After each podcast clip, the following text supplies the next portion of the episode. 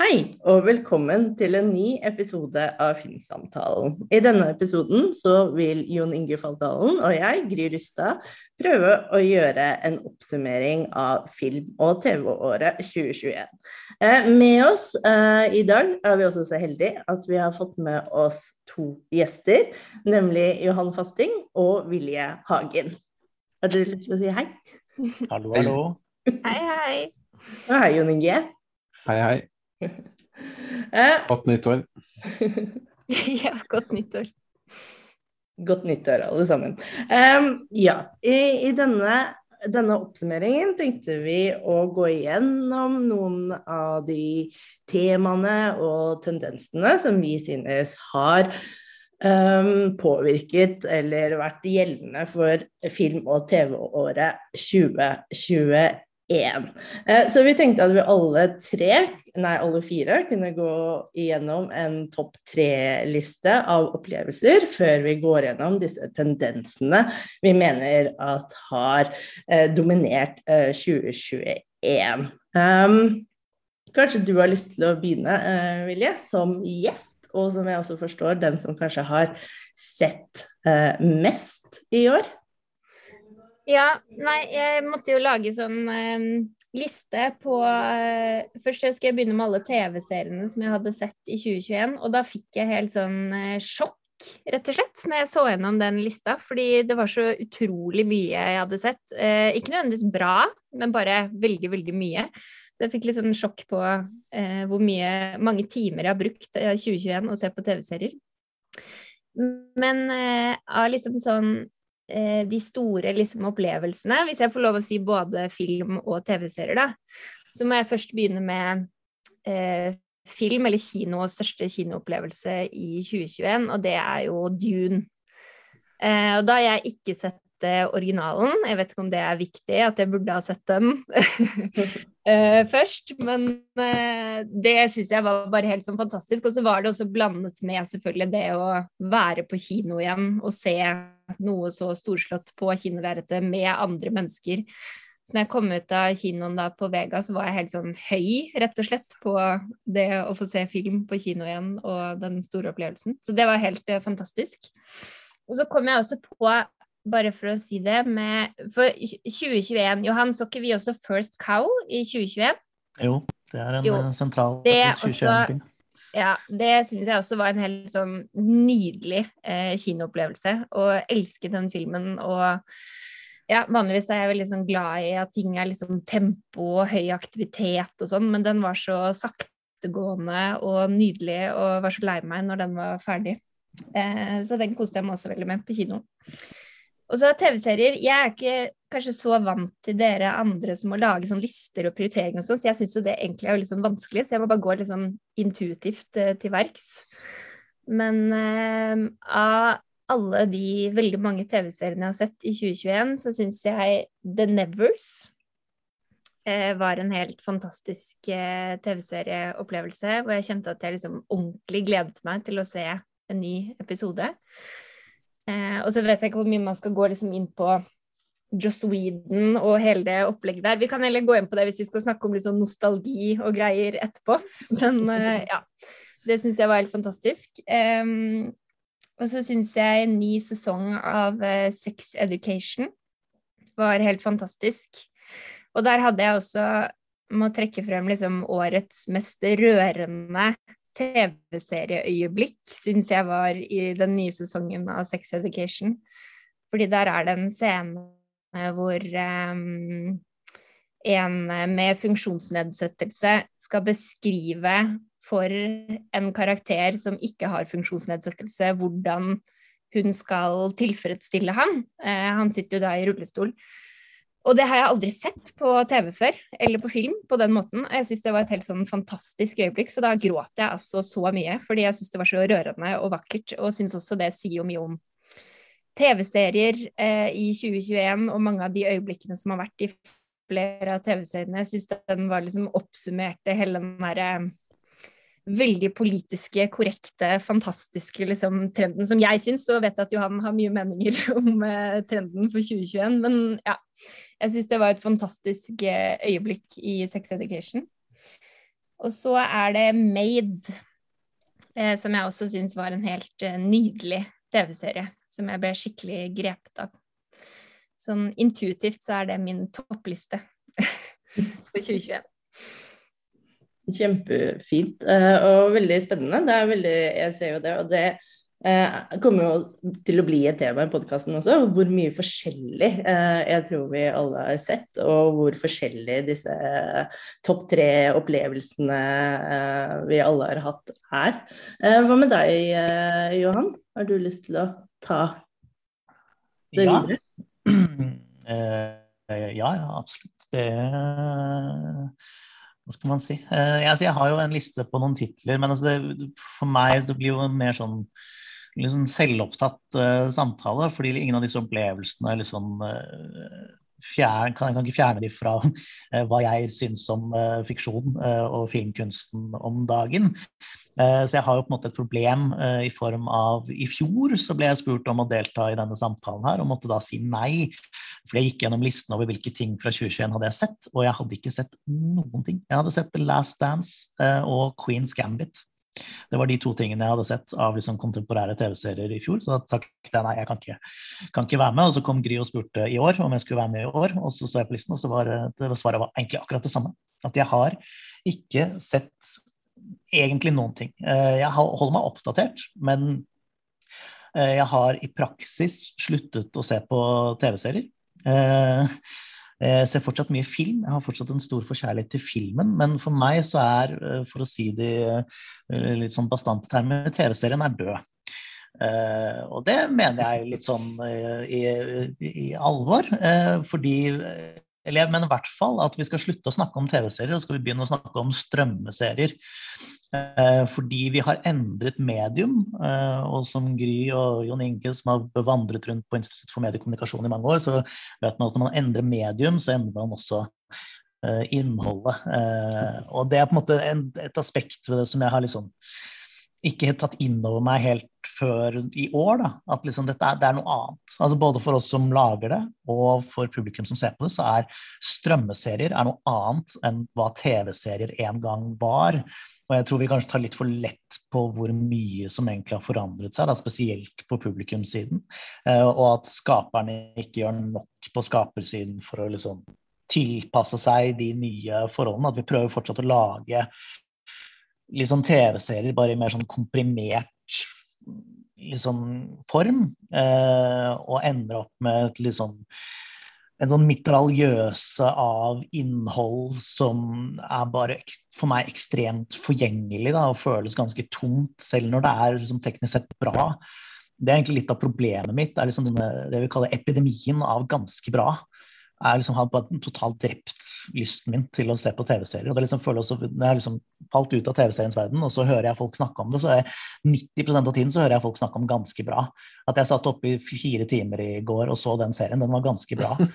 Eh, det er sånn det er så mye av det som bare er den. Og så er det jo liksom positive tilfeller, men det best case scenario er jo da at du går fra ganske bra til veldig bra. Som igjen er sånn bare det der spekteret fra ganske bra til veldig bra liksom, jeg, jeg, har bare blitt helt uinteressert i det. Så jeg har bare sånn nå, nå, må vi slutte. Vi må endre kvalitetskriteriene. Fordi hva som er ganske bra, og hva som er veldig bra, det er bare for meg bare helt uinteressant. Da vi trenger kunsten. Og så liksom, kunsten må bare på en eller annen måte tvinges tilbake inn i disse strømmeserienes eh, verden. Eh, for at jeg tror jeg skal på en måte kunne liksom finne entusiasmen igjen. Da. Eh, for det er liksom ting som har blitt laget som jeg liksom veldig tror på at er veldig bra. Sånn Jeg hører om Mare of Easttown, sånn jeg tror på at det er veldig bra. Eh, jeg hører om White Lotus, jeg tror på at det er veldig bra. Men jeg vet hvordan veldig bra ser ut. Eh, og jeg tror ikke på at noen av disse seriene gir meg det som en TV-serie ville gitt meg. Som er det der langtidsforløpet. Altså leve et liv med en gruppe karakterer. Det er for meg det som er poenget med en TV-serie, og det fins nesten ikke lenger. Eh, så hver gang jeg har diskutert dette med folk, så har jeg endt opp med å si at ja, men TV-serien er død, og det er bare, egentlig bare én TV-serie igjen, og det er Succession. For min del er Succession er den eneste liksom, gjenlevende TV-serien hvor jeg liksom OK, nå kommer en ny sesong av Succession. Jeg gleder meg til første episode, og så gleder jeg meg til neste episoden som kommer uken etterpå. Eh, fordi at dette går liksom, Jeg har levd et liv med disse folka. Det er tredje året det går. Jeg skal fortsette å leve et liv med disse menneskene. At da er det ikke noe poeng om det er bra eller dårlig. Poenget er de karakterene og hva de betyr for meg i mitt liv akkurat nå. Hvordan de speiler samfunnet og mitt liv og alle disse tingene på en gang.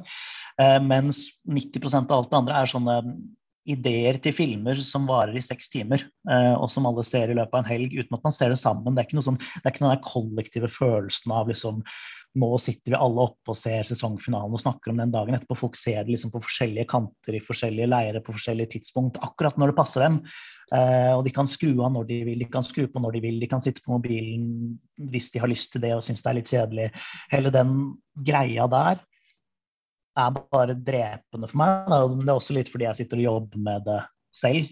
Selv som bare ah, shit, er det, er det, denne verden? Det var ikke dette jeg signa opp for. Når jeg liksom forelsket meg i TV-serien og begynte å skrive manus for TV-serier, så ville jeg liksom Det var Buffy the Vampire Slayer, det var X-Files, det var Sopranos, The Wire, Breaking Bad. altså De seriene som, de lange historiene, det er det som er poenget. Hvis vi ikke skal ha de, da ser vi jo film istedenfor. Da lager vi film. Kom igjen, liksom. Og der syns jeg det for meg har vært redningen i år, at jeg syns film er helt fantastisk.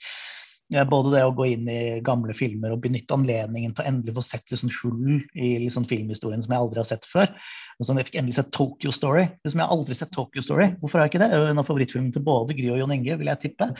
Uh, men jeg har aldri sett den. Hvorfor har jeg ikke sett den? Det er fordi jeg har ventet på at den skal dukke opp på Netflix, eller et eller annet, sånn at jeg kan få den lett tilgjengelig og kunne trykke play. Ellers har jeg brukt liksom 20 timer på å se en eller annen sånn serie som det er nå er det denne helgen, nå ser vi den serien. Istedenfor å liksom gå tilbake og velge liksom spesifikt det innholdet som passer meg. Da. Uh, så jeg har hatt det veldig fint med filmen i år. Uh, så ja, det var lang avhandling. Bare for å si at Succession er uh, fortsatt en TV-serie. Jeg elsker den. Og jeg syns denne sesongen har vært ganske dårlig, men det gjør bare at jeg elsker den mer. Eh, takk Gud for en liksom, TV-serie som har tid til å være dårlig. Liksom, hvor jeg liksom kan komme ut i andre enden, og de siste tre episodene er fantastiske. At det var noen dårlige episoder i midten. altså Buffy the Vampire Slayer, Sykt mange ræva episoder, liksom, men det er jo også poenget.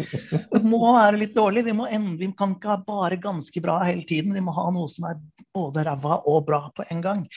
Eh, så ja, Succession Vi kan sikkert snakke mer i detalj om det. Jeg vet Det var nummer én på listen til Jon Inge også for å spoile ting. og Jeg har sett den samme vilje og det er mye å snakke om der. Men eh, det vil jeg si om TV-serien. Og så vil jeg si at bare motstykket til beste filmopplevelsen jeg har hatt i år, er, det er flere av de, men å se Memoria uh, Fichatpong Veraceta Kuls, eh, liksom Arthouse slow cinema-film på Film fra Sør-festivalen på Cinemateket, som demonstrativt går ut og sier dette er en film som bare skal vises på kino. Dere kan dra til helvete med alle Blu-rayene deres og strømmekanalen deres. og ikke, Du må se den på kino, ellers får du ikke lov. Eh, det var en fantastisk motgift til hele, hele disse greiene. En sånn transcendental, meditativ, kroppslig, fysisk opplevelse som er helt avhengig av kinosalen for å få til. Uh, så Det er liksom Succession og Memoria for meg, og så er det liksom tredje samtale som handler om uh, Matrix Resurrections og uh, Neon Genesis Evangelion 3,0 pluss 1,0 Thrice Upon a Time. som er et, et, eget, et eget, avhandling. men de to er, det er to filmer som er på en måte remikser, revurderinger av sin egen mytologi, hvor skaperen av sitt eget brand blir tvunget til å gå tilbake og lage en remake av sitt eget verk i en kontemporær virkelighet, og som på en måte lager et hyperpersonlig filmessay om hvorfor i all verden holder vi på med dette? Liksom, hva er det det betyr for oss som skapere, og hva er det det betyr for publikum som sitter i andre enden og mottar det? Uh, og Matrix Resurrection kan jeg snakke om i timevis, og Neon Genesis Evangelion er en litt mer sånn snever samtale. så Jeg vet ikke om jeg har tid, jeg kommer bare til å snakke i timevis men Jeg har snakket lenge allerede. Men det var måte, jeg satt og grein i timevis etter at jeg hadde sett siste liksom, remixen av Neon Genesis Evangelion, fordi det er en skaper som tar og liksom skjærer opp brystkassa si, og så bare pøser alt ut på skjermen. Uh, og han har gjort det en gang før. Han gjorde det på 90-tallet da han lagde hele den TV-serien som ble superikonisk og en sånn gigantisk greie. Og så lager, gjør han det igjen nå, og så på en måte skjærer han opp brystkasset igjen, pøser det ut. Uh, og kommer frem til liksom akkurat den samme konklusjonen, bare der hvor det på 90-tallet bare var depresjon å spore i hvordan det sluttet, så er det nå akkurat den samme slutten, bare fylt med håp. Uh, og det var utrolig fascinerende for meg. Så jeg måtte oppfordre alle til å se hele Neon Genesis Evangelion. En fantastisk TV-serie, apropos en gammeldags TV-serie på Netflix. Og så ser du End of Evangelion, som også ligger på Netflix. Og så hopper du over til Amazon Prime, den andre aktøren som da har fått disse fire remake-filmene av Neon Genesis Evangelion. Og så ser du de, og så lar du deg svøpe av disse strømmetjenestenes liksom oppkjøp av fantastisk japansk sånn genuin kunst. Eh, og så tar du på kino som Matrix, Matrix Resurrections etterpå. Ikke se den i sofaen din, Gry, og skru av etter 20 minutter fordi du kan. Og dette, Gry og Jon Inge, har jeg vært låst inne i huset med i to år. Denne grumpy mannen. Ja, men dette er, jo, dette er, jo, gode, engasjerte analyser som du skal være glad for at du får gratis hjemme. da. Slipper å betale for en eller annen plusstjeneste og få analysene. Eh, ja, Gry, er du, er du, er du klar da på din motrant? Uh, ja, nei, jeg skulle egentlig si at jeg er ganske enig uh, med Johan Og mine sånn topp tre uh, TV-serier er også det jeg vil si er TV-serier. Jeg er også veldig glad i TV-serien. Altså at du må vente en uke mellom hver episode, og at man faktisk har en episodisk historiefortelling, og ikke bare en lang sånn smøle av en historie som begynner på A og slutter på B. Eh, men at man får denne liksom, At man lever med karakterene. Så det, jeg tror min favorittserie av året var jo 'Reservation Dogs', eh, som faktisk ble eh, lansert som ukesepisoder på Hulu først. Jeg tror i Norge så er den vel på Disney.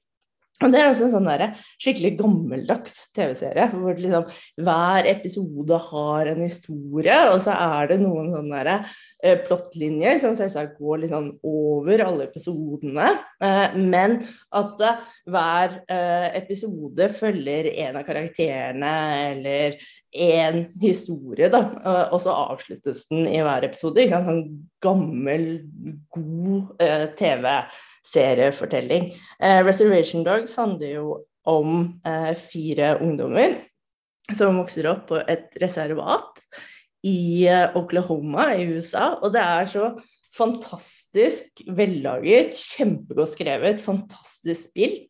Eh, og i tillegg til at dette her gir deg historier og karakterer man aldri har sett på TV før. Dette her er et univers som er skikkelig fattig. Det gir innblikk i en kultur du aldri ser på TV. Eh, det er liksom helt nytt og originalt. Eh, og jeg syns det var en sånn helt fantastisk opplevelse som faktisk føltes veldig ny og original. fordi det er jo en av de tingene med alle disse TV-seriene som kommer. Det er veldig lite som føles nytt og originalt. Altså Veldig mye er sånn Ja ja, der var det en ny krimserie. Den er bra, da, men jeg har jo sett det før. Eh, ikke sant? Det er veldig mye av det samme igjen og igjen. Ok, nå var det enda en serie om en slags uh, hvit mannlig antihelt. Ja ja, jeg har sett det før.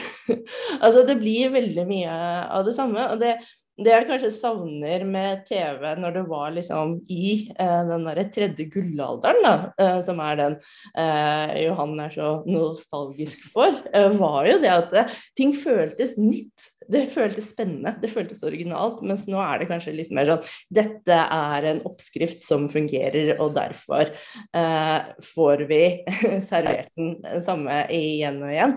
Og det var kanskje det som er så fint med Taika og Titis og Stephen Harrios Reservation log, så er at dette her er helt nye karakterer. Du har ikke sett disse karakterene på TV før. Det er et helt nytt miljø. Du har aldri sett dette miljøet på TV før.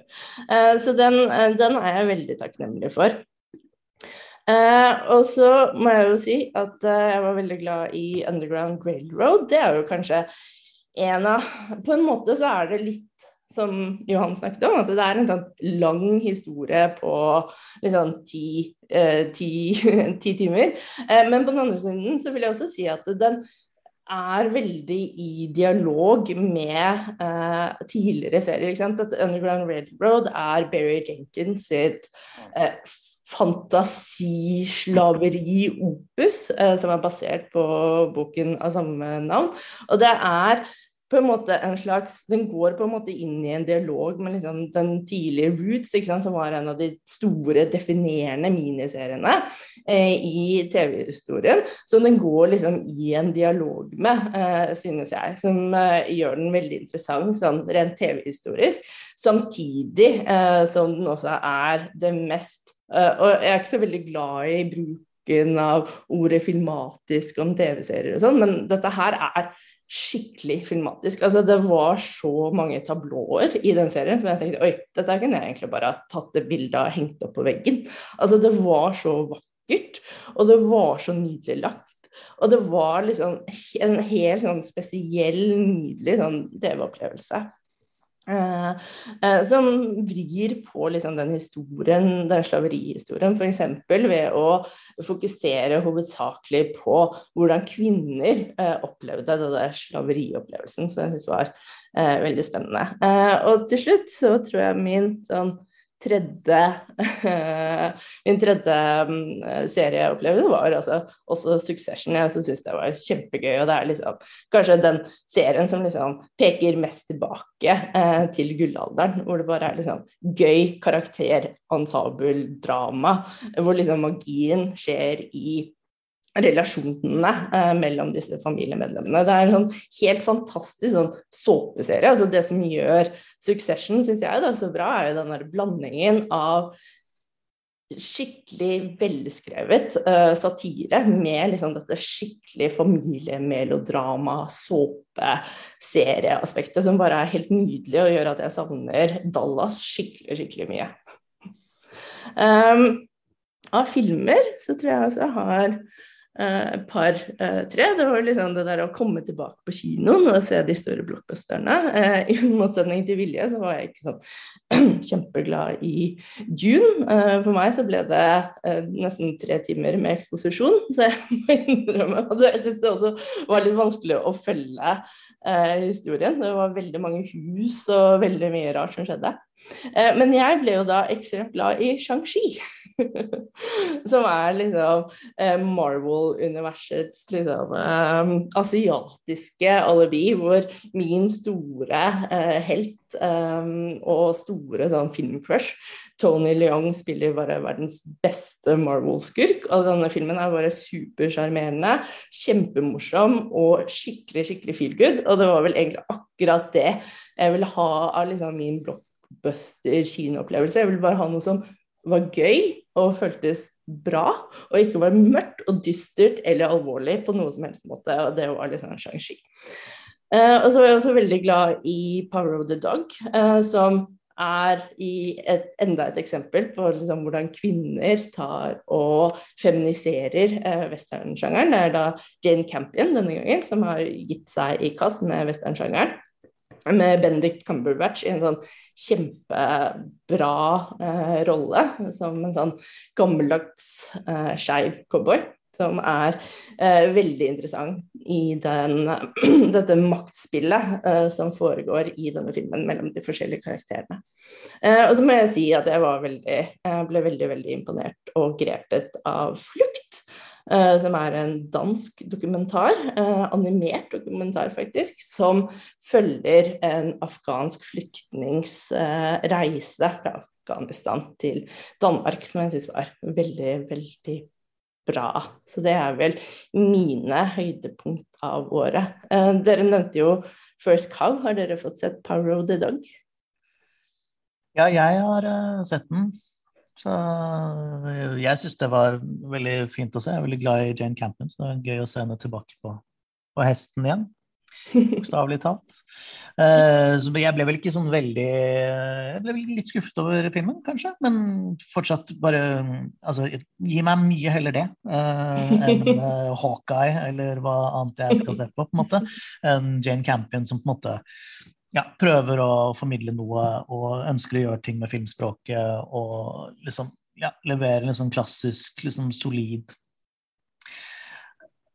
personlig film. Det, er, det var utrolig deilig å se, selv om jeg ikke syns det fungerte. Hovedproblemet mitt er bare at jeg syns Bendik Gumberts er totalt feilcasta. Liksom, hele filmen bare faller. for Jeg, bare, jeg, er ikke, jeg er ikke med på at Bendik Gumbert skal spille en rolle et, et sekund. Uh, utover det syns jeg det er en utrolig fin, liksom, overraskende intim uh, film som jeg mm. likte, likte ganske godt. Interessant. Ok, Jon Inge, du denne som faktisk har skrevet en toppliste, den kan man jo lese på Rushprint, og en, faktisk en ordentlig årsoppsummering, som man kan lese sammen den. Hva ja, er høydepunkter ja. av året?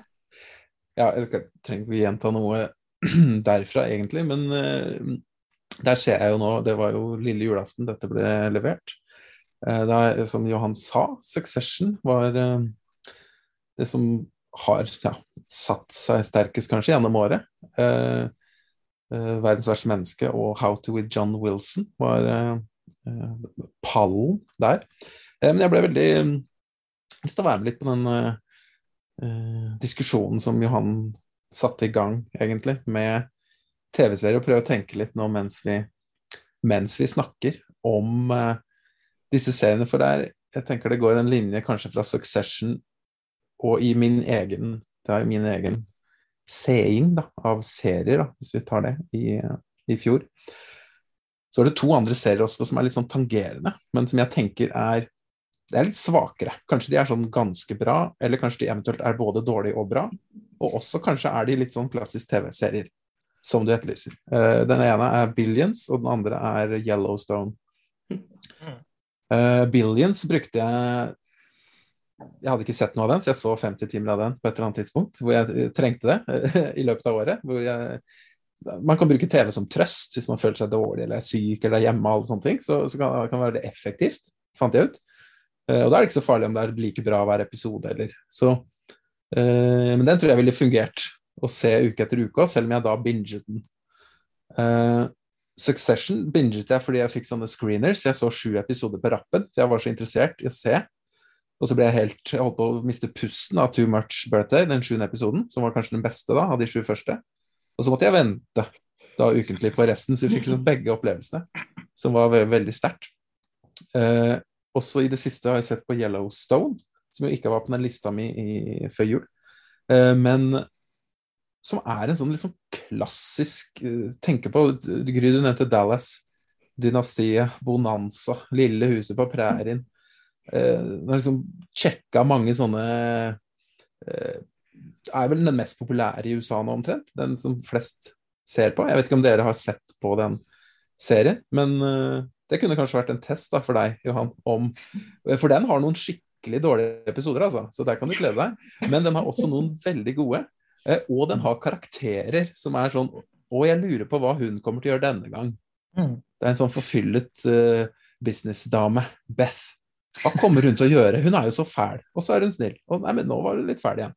Eh, den sånn, den gode, den liksom gode, gamle TV-seriefølelsen, syns jeg mm. den gir, da. Så,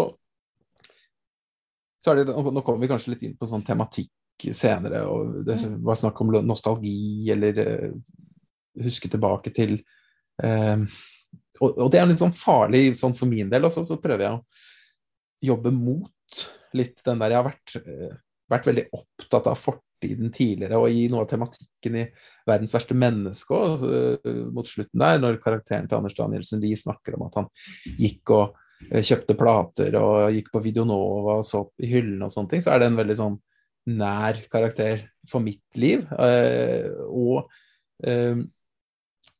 at det er, det er en sånn dårlig vei å gå da, for, med sitt kulturkonsum. Å være for opptatt av det nostalgiske. Det man likte da man var liten, eller eh, Det, det er en eh, I hvert fall for min del, da. Eh, en Man bør prøve å finne noe annet enn det. Nåtiden. Framtiden. Eh, og det kan være grådig vanskelig. Mm. Eh, så jeg tror altså Ja, det går an å si at TV er død, eller kino er død, eller kino lever, eller TV lever, og alle de tingene der. Eh, og jeg, jeg, gleder meg nå f.eks. mer til at det kommer en ny sesong av Atlanta, f.eks. Mm. Det blir superstas. Eller en ny sesong av Better Things. Så jeg tenker også det fins flere enn Succession også innenfor mm. den derre åh, jeg har lyst til å møte den den delen av uh, familien igjen, på en måte. Mm. Uh, ja. Så det, det, var liksom noen av mine sånne oppspill da, av uh, hva Og opplevelsene rundt sånn på kino, så har det jo vært jeg har jo jobbet nå og skal prøve å skrive en litt sånn større arbeid rundt den Joakim Trier-filmen, 'Verdens verste menneske'. Så den har jeg sett ganske mange ganger, både på stort og lite lerret. Så jeg har vel vært blant de større opplevelsene å ha noen samtaler og kjenne et kinopublikum. da, Sitte på en scene og snakke med og foran folk og sånt. Det, det syns jeg har gitt meg noe. Jeg er jo helt enig i at det er Hvis noe skjer i det kinorommet i 90 minutter eller to timer eller lenger, så er det Alt som skjer i fanget, kan du bare glemme. Det er ikke i nærheten av å sitte så hardt, da, tenker jeg. Så på sitt mm. beste er det er, det er en klisjé, men uh, kinoopplevelsen er uh, Ja, den kommer, kommer, til å overleve. Men hvordan og i hvor stor omfang, det er vel kanskje ja, spørsmålet. Ja. Jeg tenkte Det er jo veldig interessant, fordi eh, denne oppsummeringen vi alle fire har gjort, peker jo uh, mot disse tre temaene vi har plukket ut. Og uh, sånn, um, når vi har snakket om disse favorittene og sånn, så tenker jeg at to av de henger jo veldig, veldig sammen. Altså dette her er dette med peak TV, ikke sant. Det der at, som Johan snakket om, det er så mye som produseres, og veldig mye er sånn middels til bra til veldig bra. Uh, og man mangler kanskje litt av den derre originaliteten man så i det man liksom, hvis, Jeg som TV-viter da, jeg er ikke sånn kjempeglad i det, men eh, hvis vi skal gå til de der merkelappene som har blitt satt på liksom, TV-seriens utvikling, så var det jo liksom fra eh, 90-tallet utover til 2010 kanskje, så kan man si at man var i den tredje gullalderen, hvor da liksom de store klassikerne kom ut, som Twin Peaks og Mad Men og The Wire og Sopranos osv. Og, så videre, og, så er vi nå i det vi kaller peak TV, hvor det blir eh, produsert over 500 originale serier bare i USA, i tillegg til at man har Netflix, sånn at eh, man får alle de globale seriene i tillegg, som gjør at eh, det bare blir for mye. Eh, jeg og en kollega av meg og Inge jobber med en liksom, teori som vi kaller at dette her er mer the flood. Altså Før så snakket man om at TV hadde en flow, eh, men nå er det mer en flood som bare slår deg i bakken og som overvelder deg, sånn at du kanskje egentlig ikke klarer å se noe som helst, eller at det du ser ender opp med å bare bli kjemperandom, og man bare slår på Netflix. Og, og, det ser man jo også, at vi har jo veldig mange forskjellige ting eh, vi alle har sett. Det er vel kanskje sånn Succession, da, som er liksom den gjennomgangsserien som alle har sett, men ellers er det bare helt vilt forskjellige ting, ikke sant? fordi det er så mye å velge mellom. Eh, og derfor blir det litt liksom tilfeldig eh, hva Eh, man ender opp å, å, å se. Uh, og det andre er jo dette med nostalgi. ikke sant? Det der at man kommer tilbake uh, til ting. Og eh, Jon Inge, du sa det at du ønsker å liksom se fremover. Men jeg ser jo også det at TV- og filmverden gjør jo det mer og mer vanskelig. Rett og slett i det at det som produseres, er så utrolig mye remakes, reunions eh, Altså alle disse tingene her hvor man hele tiden eh, peker tilbake til eh, historier, karakterer eh, vi husker fra eh, før. Eh, du mm. nevnte jo det, Vilje, som en av dine liksom noe av det du satt igjen med da, fra uh, eh, 2021. Um, har du sett mange av disse remakesene og re unionene? Ja, jeg blander jo litt mellom hva som er 20, 2020 og hva som er 2021, men sånn For meg så begynte det jo med den Gilmore Girls reunion. Det var vel i 2020, var det ikke det? Mm, jo. Ikke sant? Som er sånn, da har jeg eh, Og den der opplevelsen av å på en måte gå til Nå er det jo forskjell på å lage liksom en seks episoder eller ti episoder ny sesong av noe som var for 20 år siden, sånn som Gilmore Girls og eh, de gjør med Sex og Singliv også nå med And Just Like That, eller den der reunion-episoden med Friends eller Harry Potter-filmene hvor de på en måte samler skuespillerne og snakker om hva som har vært. Um, men jeg blir litt sånn Jeg, jeg er liksom blanda til det derre nostalgitrippen som vi driver med nå, eller som uh, pengefolka har satt oss opp til å drive med nå. Fordi på en måte så liker jeg det ikke så veldig. Det er et eller annet med at det skal få være det det var, og se det, få se alle disse skuespillerne som har liksom operert seg i hjel i ansiktet, komme tilbake på skjermen. Det det er et eller annet sånn liksom grusomt og grelt med liksom hele greia. Og at det er veldig sånn hvis jeg skal være litt streng, så oppleves det ikke som at det er noen som har noe veldig på hjertet. Altså, nå er det kjempeviktig at vi lager en ny sesong av Sex og singelliv eller av, uh, av, Gilmore Girls fordi vi har så veldig mye på hjertet. Vi har et eller annet vi skal fortelle. Det er mer enn sånn la oss gjøre det, for vi vet at alle kommer til å se på det, og kanskje får vi flere liksom, strømmeabonnenter inn inn på disse strømmetjenestene. Så, på, så, det er liksom den ene siden av meg som bare syns det er liksom forkastelig og grelt. Og så er det den andre siden som sitter i sofaen og griner og griner og griner og griner fordi at jeg går tilbake til barndommen, Gilmore Girls og Friends og den der Harry Potter-reunion. Altså, jeg grein, jeg bare grein fra første bilde. Bare jeg så Emma Watson, så begynte jeg å grine. Eh, og det er jo ikke fordi det er så rørende å se henne, det er jo fordi at jeg husker tilbake til barndommen min. Jeg har, eh, Johanne, jeg har en datter på på seks år nå som, eh, som, opplever Harry Potter nå for første gang. Liksom. Man går tilbake til liksom et eller annet sånt. Så jeg blir liksom helt sånn slått i bakken av det. Eh, så jeg, jeg, jeg, får sånn to sånn Jeg blir sånn i konflikt med meg selv, da. Men så mm. syns jeg også det som Johan tar opp med litt sånn derre lengte tilbake til TV Jeg syns jo man skal passe seg for Kanskje spesielt som skapere, da, når vi skal lage egne TV-serier og egne filmer, at man skal passe seg litt egentlig for den der 'alt var bedre før'-tanken. Eh, ikke bare når det gjelder å lage film og TV, men bare sånn generelt passe seg for 'alt var bedre før'-tankegangen. Um, så jeg, synes, jeg er liksom 50% enig med han og 50% totalt uenig med han uh, i uh, hvor grusomt det liksom står til med TV-serien i dag. For jeg tenker også hva Jeg også savner jo det der at vi skal se en TV-serie sammen som vi ser uke til uke, og så møtes vi på skole eller på jobb og snakker om den TV-serien. Det har jo forsvunnet nå, på en måte. Um, litt fordi, sånn som du sier, Gry, når vi oppsummerer hva vi har sett, så har vi sett Succession. Den har vi sett alle sammen, og så er det veldig forskjellige ting vi sitter igjen med.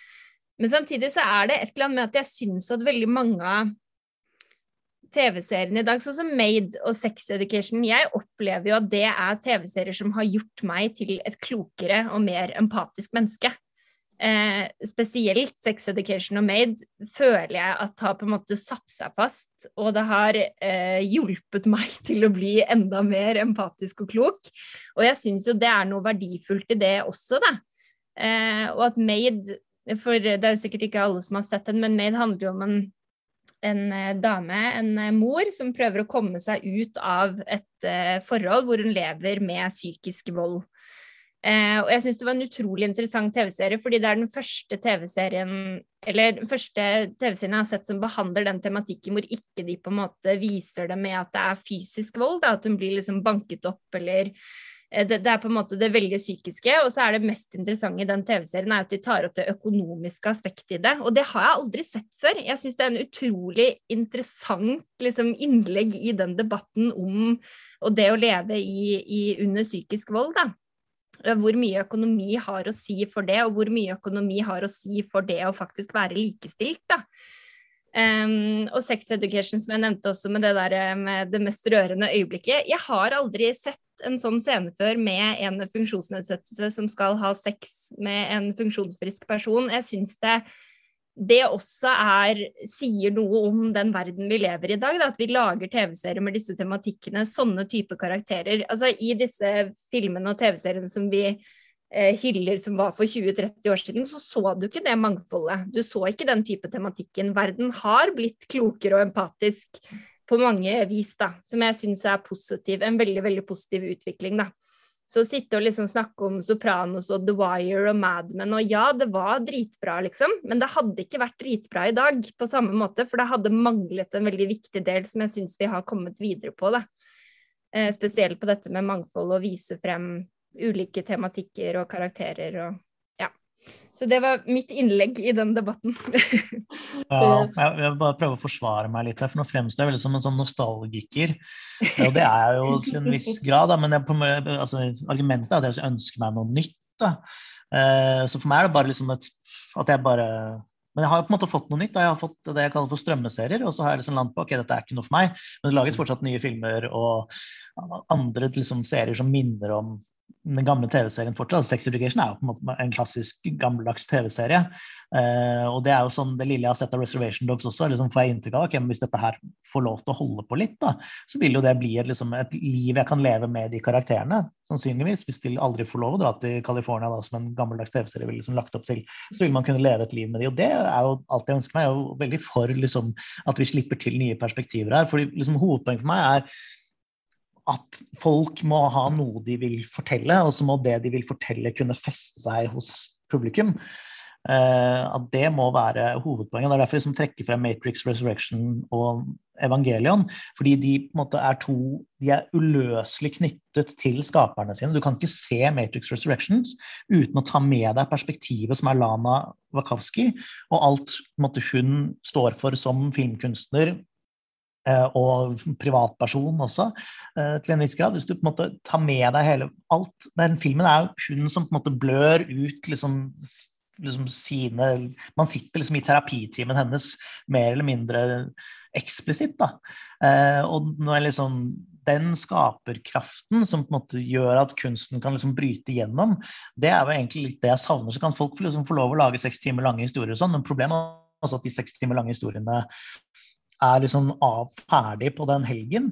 Men det er også liksom, de er ikke, kommer veldig sjelden fra noen som har lyst til å fortelle noe. Ofte er det liksom ok, vi har tatt opsjon på en podkast, og så har noen liksom la, Dette her kunne jo blitt noe greier som vi kan slenge ut som folk kan klikke på. liksom. Det er, det er ikke som at folk skaper ting selv. Det er jo sånn det er å jobbe i liksom, de bransjene. Liksom, ja, men vi har opsjon på denne boken, vi har opsjon på denne tingen, denne ideen, denne avisartikkelen om de folka som har startet en uh, butikk i New York den har vi opsjon på. Har du lyst til å liksom skrive en TV-serie om den, så kan vi liksom få laget det. Og så er det liksom, ja, vi kan få laget det, men de der seriene som kommer fra noen som liksom brenner etter å fortelle noe, det er liksom ganske liksom litt sjeldnere, da, men det fins jo fortsatt. selvfølgelig. Det er jo masse kunstnere som jobber i systemet her. Liksom. Men jeg føler fortsatt at mange av de også blir liksom kvaklet litt av det industrielle. At vi har blitt så veldig sånn, det, er, det er en ekstremt sånn industriell greie nå. Det har alltid vært det, men det er jo mer så enn noen ganger nå. at nå liksom har vi noen regler for hvordan en serie skal lages og hvordan den skal se ut. Og så på en måte bare ok, nå skriver vi de episodene vi skriver, den pilotepisoden. Og så på en måte får vi det ut, liksom. Sånn som så, så Hacks, som er jo en av de mest kritikerroste seriene i år, og så den første episoden der, så var jeg sånn Ok, dette er på en måte solid håndverk, men det er så ekstremt og så utstudert håndverk. Og alle valgene i hacks er bare sånn Dette er akkurat det du får beskjed om å gjøre hvis du liksom går på gata i LA og sier at jeg har lyst til å bli mannsfatter. Ja, men da må du skrive en pilot som er sånn, og du må ha den, den karakteren som kan liksom trekke til seg den skuespilleren, og så må du gjøre det litt sånn gøy og litt sånn girl. Så det er bare så ekstremt sånn håndverket til. Jeg tror ikke på at liksom, noen egentlig vil noe annet enn å liksom kunne selge inn en kul serie til HBO. Jeg tror ikke på at det er noen der som egentlig vil fortelle noe, selv om det garantert kommer liksom vendinger der som er litt sånn i tiden og personlige for noen, og sånn, så blir bare hele totalinnpakningen for meg liksom, at jeg savner det der ekstremt personlige. Da, og Det er det filmen har. Liksom, du nevner verdens verste menneske. Så du, kan ikke, du kan ikke snakke om verdens verste menneske uten å liksom, se det i kontekst av Joachim Trier og Eskil Fugt og hele greia deres. Vi har ikke det med TV-serier på samme måte. TV-serien er liksom autørløs, den er forfatterløs. Og det er også litt det man savner litt. at Man kan jo se på Reservation Dogs. ok, men Her er noen som vil fortelle noe, men er det altså han andre som ikke er Taika Waititi, som jeg regner med har liksom kommet opp med konseptet og som ønsker å fortelle dette, jeg er interessert i det, men får han lov til å skrive mer enn én en sesong? Kommer han til å lage andre ting? Er det et forfatterskap her som er interessant å følge? Eller er det karakterer her som er interessant å følge? Ofte er svaret på begge deler nei. At du får ikke lov å følge disse karakterene så lenge, og du får ikke lov å følge dette forfatterskapet så veldig lenge heller. Og da, det er der poenget forsvinner litt for meg. Da. Og jeg var, liksom, jeg var, ganske interessert i White Lotus helt til de annonserte ja, det kommer en sesong to av White Lotus med helt nye karakterer. Jeg var sånn, men Nei, men da gidder jeg ikke. Nei, seriøst, da gidder jeg ikke. Da får det bare være, det får bare være bra. Og så var det åtte episoder med bra, og så kan det være en ny sesong som også er bra. Men da ser jeg heller fire filmer liksom fra hele verdenshistorien, hvor jeg kan cherrypicke akkurat det som er det beste noensinne, istedenfor å se liksom det som var flavor of the month oktober 2021. Det orker jeg ikke. La de karakterene leve litt, da, eller la ja, Mike White er for øvrig en forfatter, altså man kan liksom sette han i kontekst, også, men det er vanskeligere i TV-serieverdenen, fordi industrien er som, koker så mye mer ned de der eh, personlige uttrykkene. Ja. Du må si... se White Lotus, da. Du får se den. Og så kommer det en sesong to av Reservation Dogs, og jeg tror det kan komme flere. Uh, jeg, jeg, kom på nå et sånt ytterpunkt i den der nostalgidebatten. Altså jeg, min, en av mine favoritter de siste ti årene har jo vært uh, Twin Peaks The Return, David Lynch mm. sin, som har det ja, alt autørbagasjen du kan ta med seg det, og det er uh, laget av nødvendighet som kommer fra skaperne, og de, de følte at nå, nå, nå, må vi gjøre det, og det passer sammen, og det blir solgt inn som en sånn 25-årsjubileumsgreie, men allikevel det er Det går an å lage stor, den største type kunst innenfor det, den, den verden også, tenker jeg. Uh, og så har jeg en sånn rar opplevelse med min datter som er ni år, som ser på uh, fortsatt under samme tak på Netflix, som er da eh, nyinnspillingen av Under samme tak fra 90-tallet. Så plutselig ved middagsbordet så snakker hun om Joey McIntyre fra New Kids On The Block. Og så setter jeg jo nesten maten i halsen, for jeg er all verden, hvor har du fått den referansen fra? Og da er det jo de der tilbakeblikkene fra 1995 eller hva det er, i den serien som da snakker om så da, da, tenker jeg verden har gått ganske langt da, i den der nostalgifella. Og det er noe som er eh, Og det er jo på en måte, det er jo helt greit slags sånn cornflakes du kan spise, men det er jo ikke noe særlig næring eller eh, ja, det er på vei til noe annet, da. Jeg tenker at Man kan lære mye av det. Så gammelt Wittgenstein-sitat. Og det at man jeg, jeg har lært mye Man kan lære mye klokt av en dum amerikansk film. Da han skrevet i sånn 1949 eller noe sånt. Men eh, vi, vi, kan ikke bare lære ting av dumme amerikanske filmer og serier. Men eh, sånn på vei til noe annet, f.eks. lære håndverket med å bli serieskaper og sånt, og filmskapere, sånn som dere også er, så har det jo hjulpet å se mye ræl. Men ja, ja. Um, det er klart, og ingen av oss, selv om Vilje nå har kanskje sett mest av oss i fjor, så har jo heller ikke hun sett mye. fordi det er hvis det lages 2000 serier og show i året i verden, og ja, hvis man har sett for mye, da, så har man kanskje sett mellom 50 og 100 av dem. Og så mm. allikevel er det bare en dråpe i havet. Så mm. vi, vi, snakker jo også egentlig mot bedre vitende her òg. Vi vet jo egentlig ikke hva, hvordan alle disse seriene ser ut, og filmene ser ut. Nei. Ja, jo... Twin Peaks har også for meg blitt en sånn, en, et fyrtårn, en, en, sånn, et lys i mørket. Men jeg følte ikke det fikk så mange konsekvenser for andre David Lynch-aktige mennesker som får innpass. Nei, det er ingen som er så kompromissløse, virker det som. da. Som ikke tør å, eh, å, å dra det helt ut. Mm. Fordi, fordi, valget hos han er vel da også da å ikke gjøre det. Det er vel det ingen andre stiller ikke det ultimatum. Hvis jeg ikke får gjort det hos, på den måten jeg vil, så, mm. så gjør de det allikevel, disse andre. Det er vel det som kanskje skjer. Jeg tenkte på mm, det med uh, denne The Flood, da. At uh, man får jo uh, Det som er bra, bra med PikkTV, er jo at man får inn disse nye stemmene. Ja, altså disse gamle gubbene som David Lynch får fremdeles lov til å lage TV-serier så, så, mye de vil. men som Vilje var inne på, dette med Made og dette med at man får nye typer historier da, er jeg også veldig veldig glad for. Det at man lærer noe av TV. ikke sant? Kanskje de er lagd på en håndverksmessig måte. Eh, sånn som f.eks. en serie som faktisk er en gammeldags TV-serie som jeg har fulgt i flere år nå, Pose. Eh, den er kanskje litt ujevn til å mm. dukke opp noen sånn topplister og sånn, men det er vel en av de seriene jeg har lært mest av eh, de siste årene. Eh, det handler jo om da eh, transmennesker og skeive mennesker eh, i New York under aids-epidemien, og knyttet opp til den såkalte ballroom-kulturen, eh, som var en veldig viktig sånn subkultur i USA eh, på 80 og utover 90-tallet. Jeg, jeg, tror jeg aldri har lært så mye av å se en TV-serie noensinne. Og det som er så fantastisk med den serien, er jo at de faktisk har transpersoner som spiller i hovedrollene, og de har transpersoner i skriverommet og som eh, serieskaper. Og det her ville aldri ha skjedd i gullalderen. Og det syns jeg er liksom en superfantastisk ting med TV i dag. At man kan få historier som Pose og Reservation Dogs da, som man aldri uh, ville ha fått tidligere. Uh, og det er jeg også ekstremt takknemlig for. At man får dette mangfoldet. Man får disse eh, historiene. Og det er liksom neste tema som vi kanskje skal inn på, er jo liksom Du får disse historiene om klasse, eh, sånn som Made, Reservation Dogs er jo også en klassefortelling. Um, og Superstore, som jeg har vært veldig glad i i mange år, som er en sånn god, gammeldags eh, blue color amerikansk sitcom som liksom handler om folk som jobber i en sånn stor varehus på gulvet.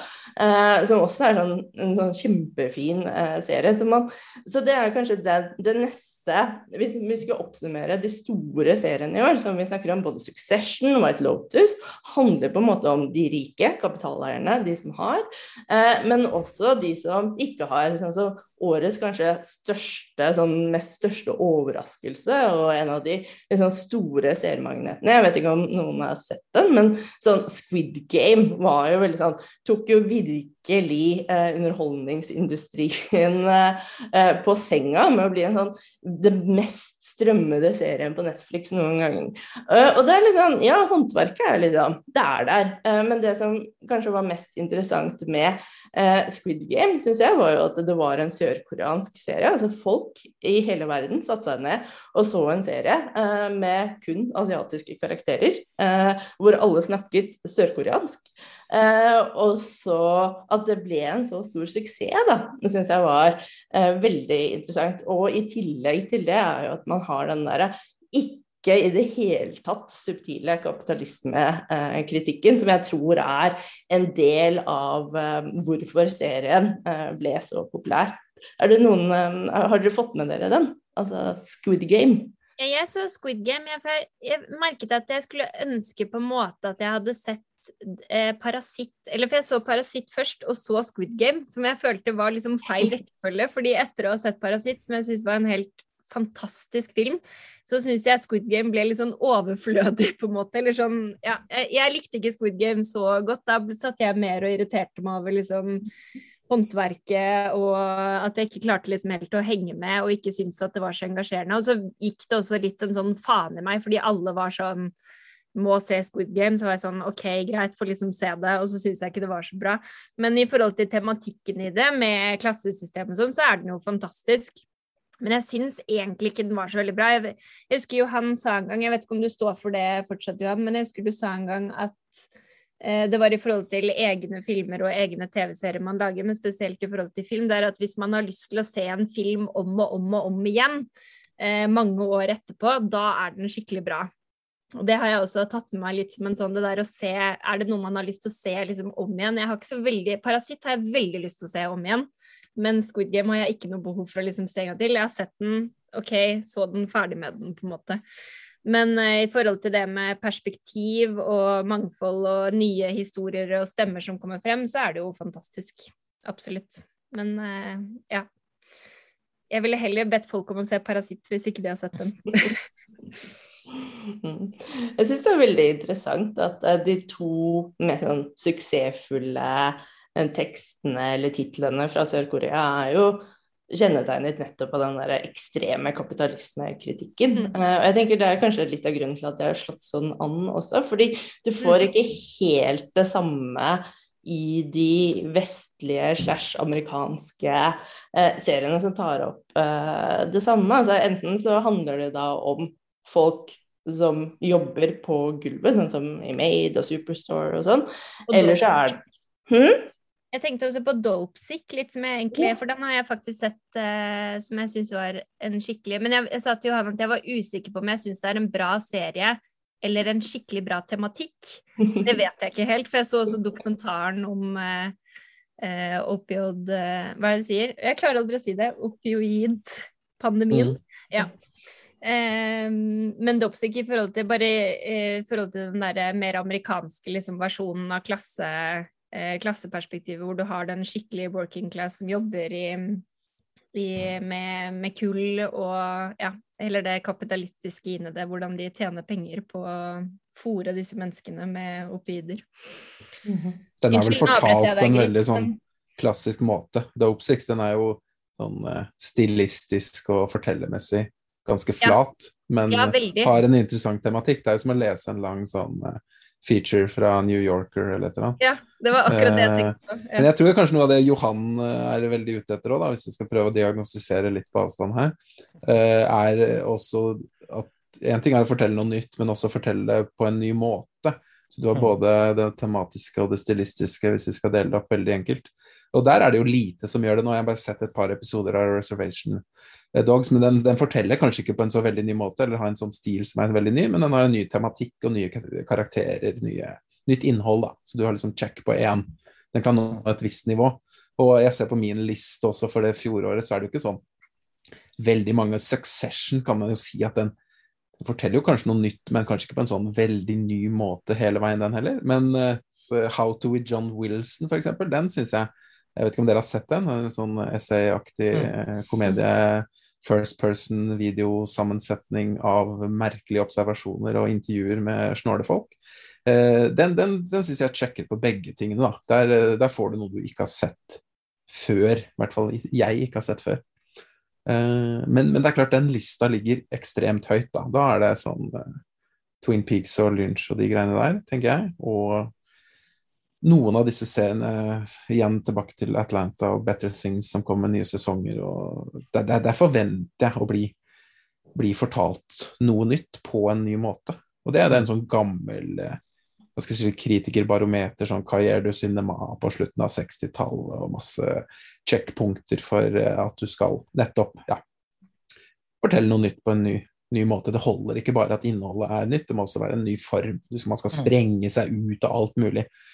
Og da blir jo hele den derre vet ikke, kapitalismekritikken som jo, jo, du kan si at det fins i Squid Game og Parasitt og mange sånne serier, men, men etter to minutter så er det jo ikke så mye nytt tenker jeg, i det. Da har den på en måte sagt sitt om det den vil si noe om. Nå har ikke jeg sett ferdig Squid Game, jeg orka ikke. Men ja, ok, de er fattige og de har gjeld, og så må de gjennom noen fæle ting for å bli kvitt den.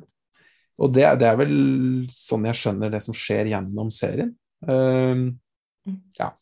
Så, så, så, hvor dypt loddene det er uh, Ja, du kan skildre klasse eller i, i anførselstegn, eller kapitalismekritikk i anførselstegn, men so what? For mm. hvem er det kan da liksom de vestlige massene øh, klappe seg på ryggen og, og ja, nå, nå, nå, har jeg skjønt det. Nå kan jeg gå tilbake til min trygge strømmekos på hjemmekontor. Men nei, jeg vet ikke. Men jeg, det her er litt interessant, fordi du er jo litt inne på en sånn derre deling som en gammel sånn, akademisk helt av meg, som akkurat gikk bort, eh, skrev mye om, Bell Hooks. Ikke sant? Dette her med, med for hvem eh, er det vi ønsker disse nyvinningene? Hvem er det som definerer hva som er nytt?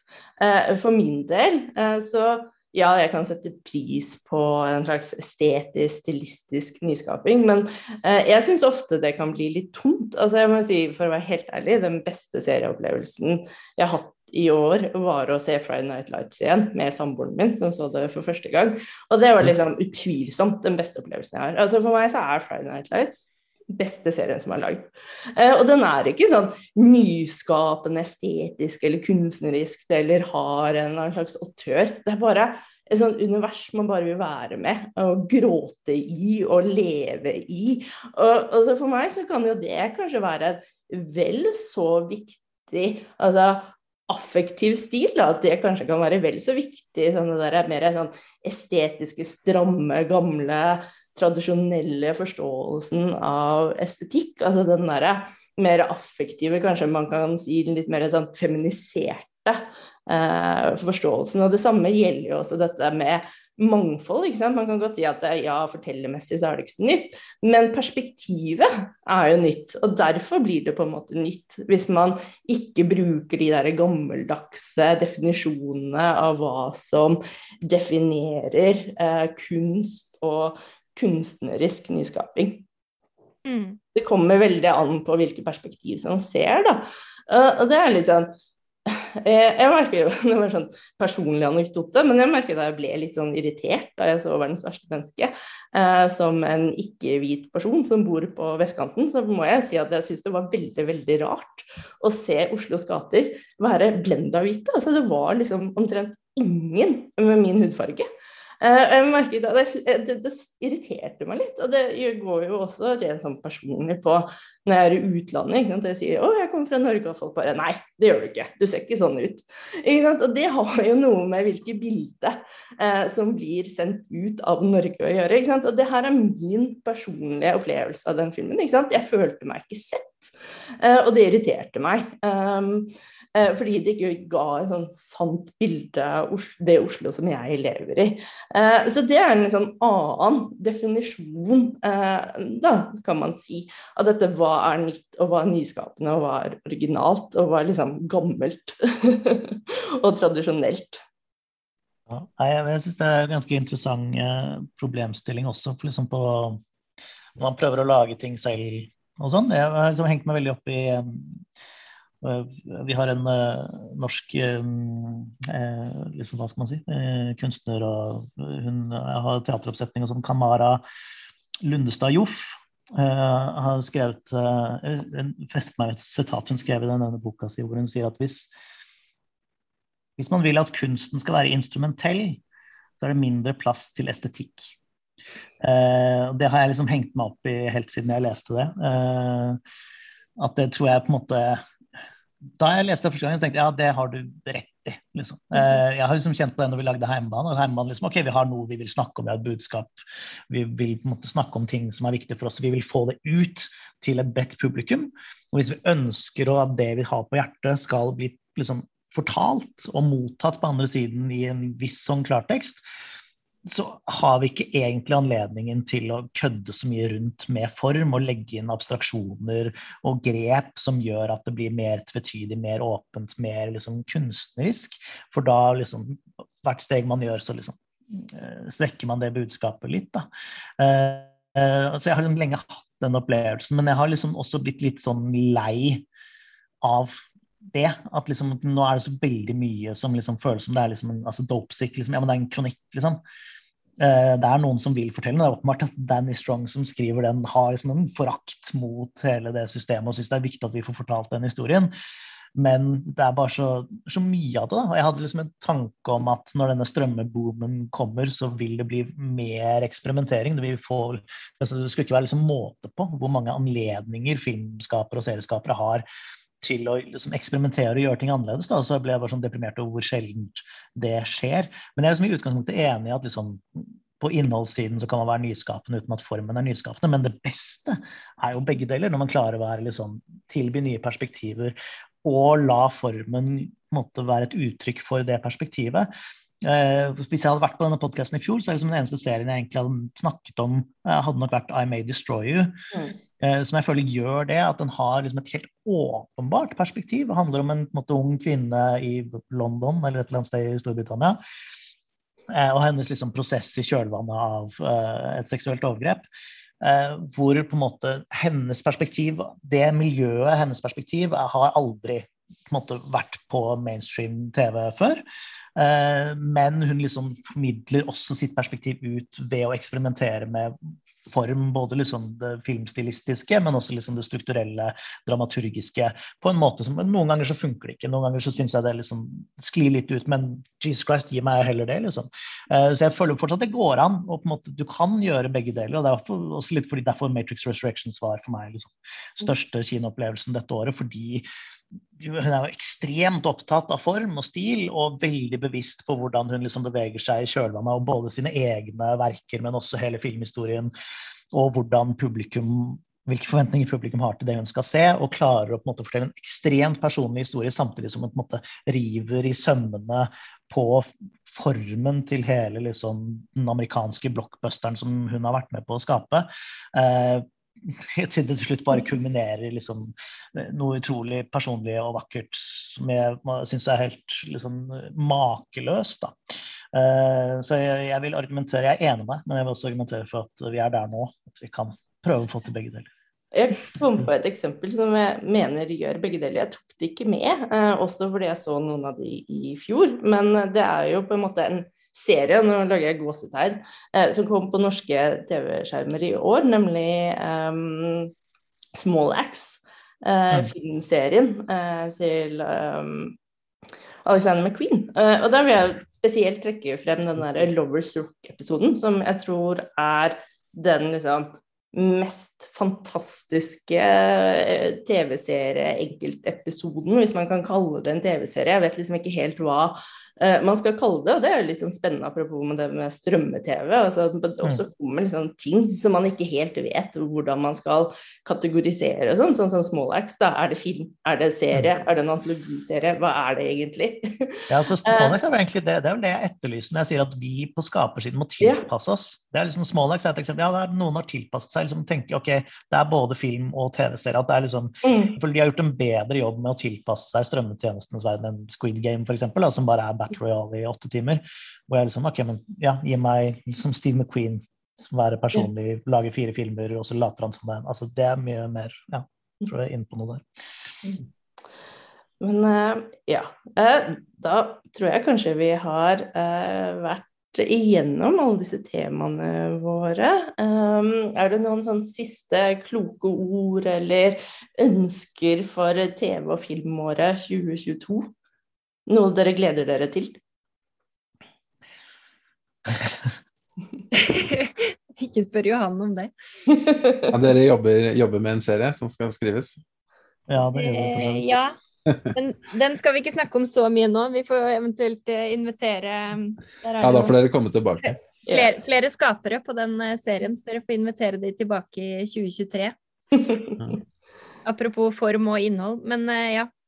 Nei, hva jeg gleder meg til? Jeg, jo, jeg syns det var bare gøy å sitte og lytte til dere nå med dette med liksom form og innhold og sånn. Jeg gleder meg jo veldig til, apropos disse nye perspektivene og sånn, at den generasjonen til liksom meg og Johan eh, av liksom skapere verden over, den er ikke så liksom spent på hva de, de, kommer til å komme med de neste årene, men jeg er veldig spent på generasjonene etter det igjen.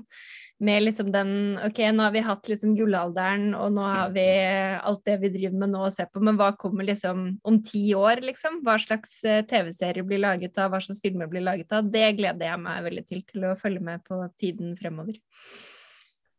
Ja. Så ja. Jeg, tror det blir mye flipp-klipp og e-sport fremover. ja.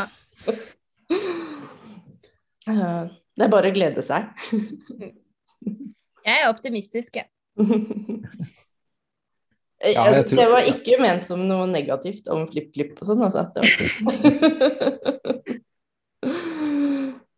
Jeg tror det er noen av de tingene vi har vel snakket litt om, f.eks. White Lotus, også fra, som også gjør, gjør nye ting. Og, men kanskje det blir på en måte en slags miniserie da, i Johans øyne, ved at hvis det blir en ny sesong, så er det nye karakterer. Kanskje det blir en slags antologi slash miniserie i flere installasjoner. Så jeg tenker noen av de kategoriene Det er litt gøy da, at uh, Twin Peaks The Return og uh, Lynch var jo veldig opptatt av at det ikke var en TV-serie. Det var mm. ikke episoder, det var litt sånn deler del 1 av 18 av mm. noe. Kall det gjerne en film, men det er litt, litt ulovlig å kalle en 18 timer lang ting en film. Så ja, jeg har litt trua på Og også når jeg ser på den lista jeg har lagd over de tingene 'Exterminate All The Brutes' fra HBO, det er en slags dokumentar-essay. ikke sant, I akkurat så langt som Raoul Peck føler at det bør være. Eh, men det er klart det krever kanskje en del status at du må være en filmskaper eh, eller serieskaper et eller annet sted i karrieren hvor du kan si i et møte 'jeg skal gjøre det sånn', eller så blir det ikke noe. Og så får du allikevel lov til å gjøre det. Så det er kanskje vanskelig for en young aspiring uh, serie- eller filmskaper å komme med den derre Det er litt som i akademia. Du kan ikke I din første bok så kan du ikke være for drøy, men i bok nummer fem så kanskje du kan komme med de crazy teoriene dine. Uh, så ja. Apropos det med nytt innhold. Sånn, jeg skriver jo faktisk på en bok som handler om det jeg kaller sosiale medier-TV. Altså der man forteller på sosiale medier, og hva som skjer med eh, TV-serien, eller serien, det er jo en sosiale medier-TV-serie, eh, når man blander liksom, eh, kvalitetene til TV og sosiale medier, eh, som er veldig morsomt. Så det kan jo hende også at det er der eh, mye av fremtiden ligger. Altså at man får serier rett på Snapchat og TikTok og alle disse mediene her. Disse mikrofortellingene. Så vil jeg jo si at jeg er veldig enig i det dere sa også i stad om den at, at, noe veldig konvensjonelt fortalt, så lenge det vekker følelser og man kan ha en sånn ja, affektiv verdi av det. altså det eh, jeg synes jo Man skal ikke argumentere mot verken egen latter eller egne tårer eller egen gåsehud nødvendigvis. Altså Hvis det skjer, så skjer det jo. Da har man en kroppslig reaksjon på noe. og det men man kan jo prøve å finne ut hvorfor, da, når du snakker om denne Harry Potter. Hvorfor Hvorfor var det rørende det øyeblikket Jeg så også den der Friends reunion i før, og syntes også det var litt rørende da Ross-karakteren traff en av de andre på settet. Men hvorfor i all verden syns jeg det? Altså, Jeg har ikke kommet til bunns i det. Altså, det er jo helt tullete. Det er en serie jeg ikke har sett på, på 20 år, men jeg så alle episodene på 90-tallet, for det, det gjorde man. Så mm. det er en sånn uh, hva, hva er det hvordan skal disse følelsene eh, Hva skal jeg si manipuleres fram da, på en best mulig og hensiktsmessig måte for oss? Skal vi til slutt bare sitte foran skjermer sånn som vi gjør nå på Zoom og snakke sammen, og hele tiden bli fòret med opplevelser og emosjoner? Nei, vi vil ikke dit.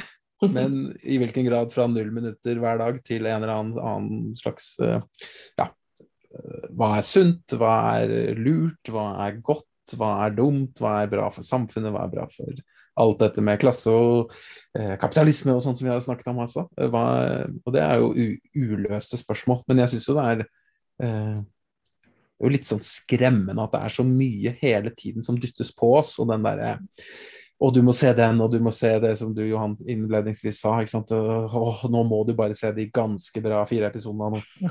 Og du får jo ikke lyst til det.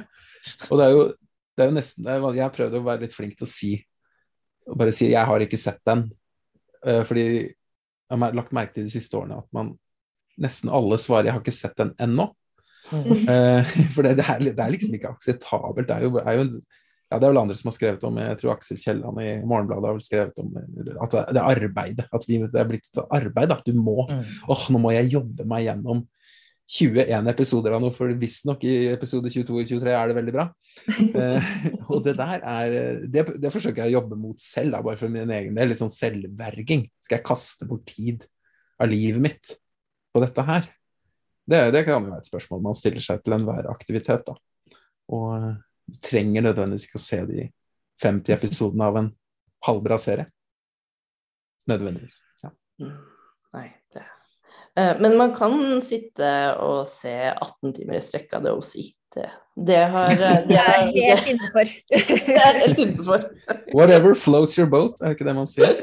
Det må jo være ja, men jeg tror det er viktig med litt som vi har vært inne på flere ganger, også kanskje det savnet Litt sånn hva man blir rørt av, hvorfor man gråter, på en måte. Men jeg, eh, og det er jo interessant, det er det jo sikkert mange svar på. Hvorfor du gråter av se Ross, og hvorfor jeg gråter av Harry Potter. Men det er jo en slags sånn Litt den tiden vi lever i nå også, da. Både liksom politisk og samfunnsmessig, med at vi ja, sitter på hver våre skjermer, vi er liksom isolert og vekk fra hverandre.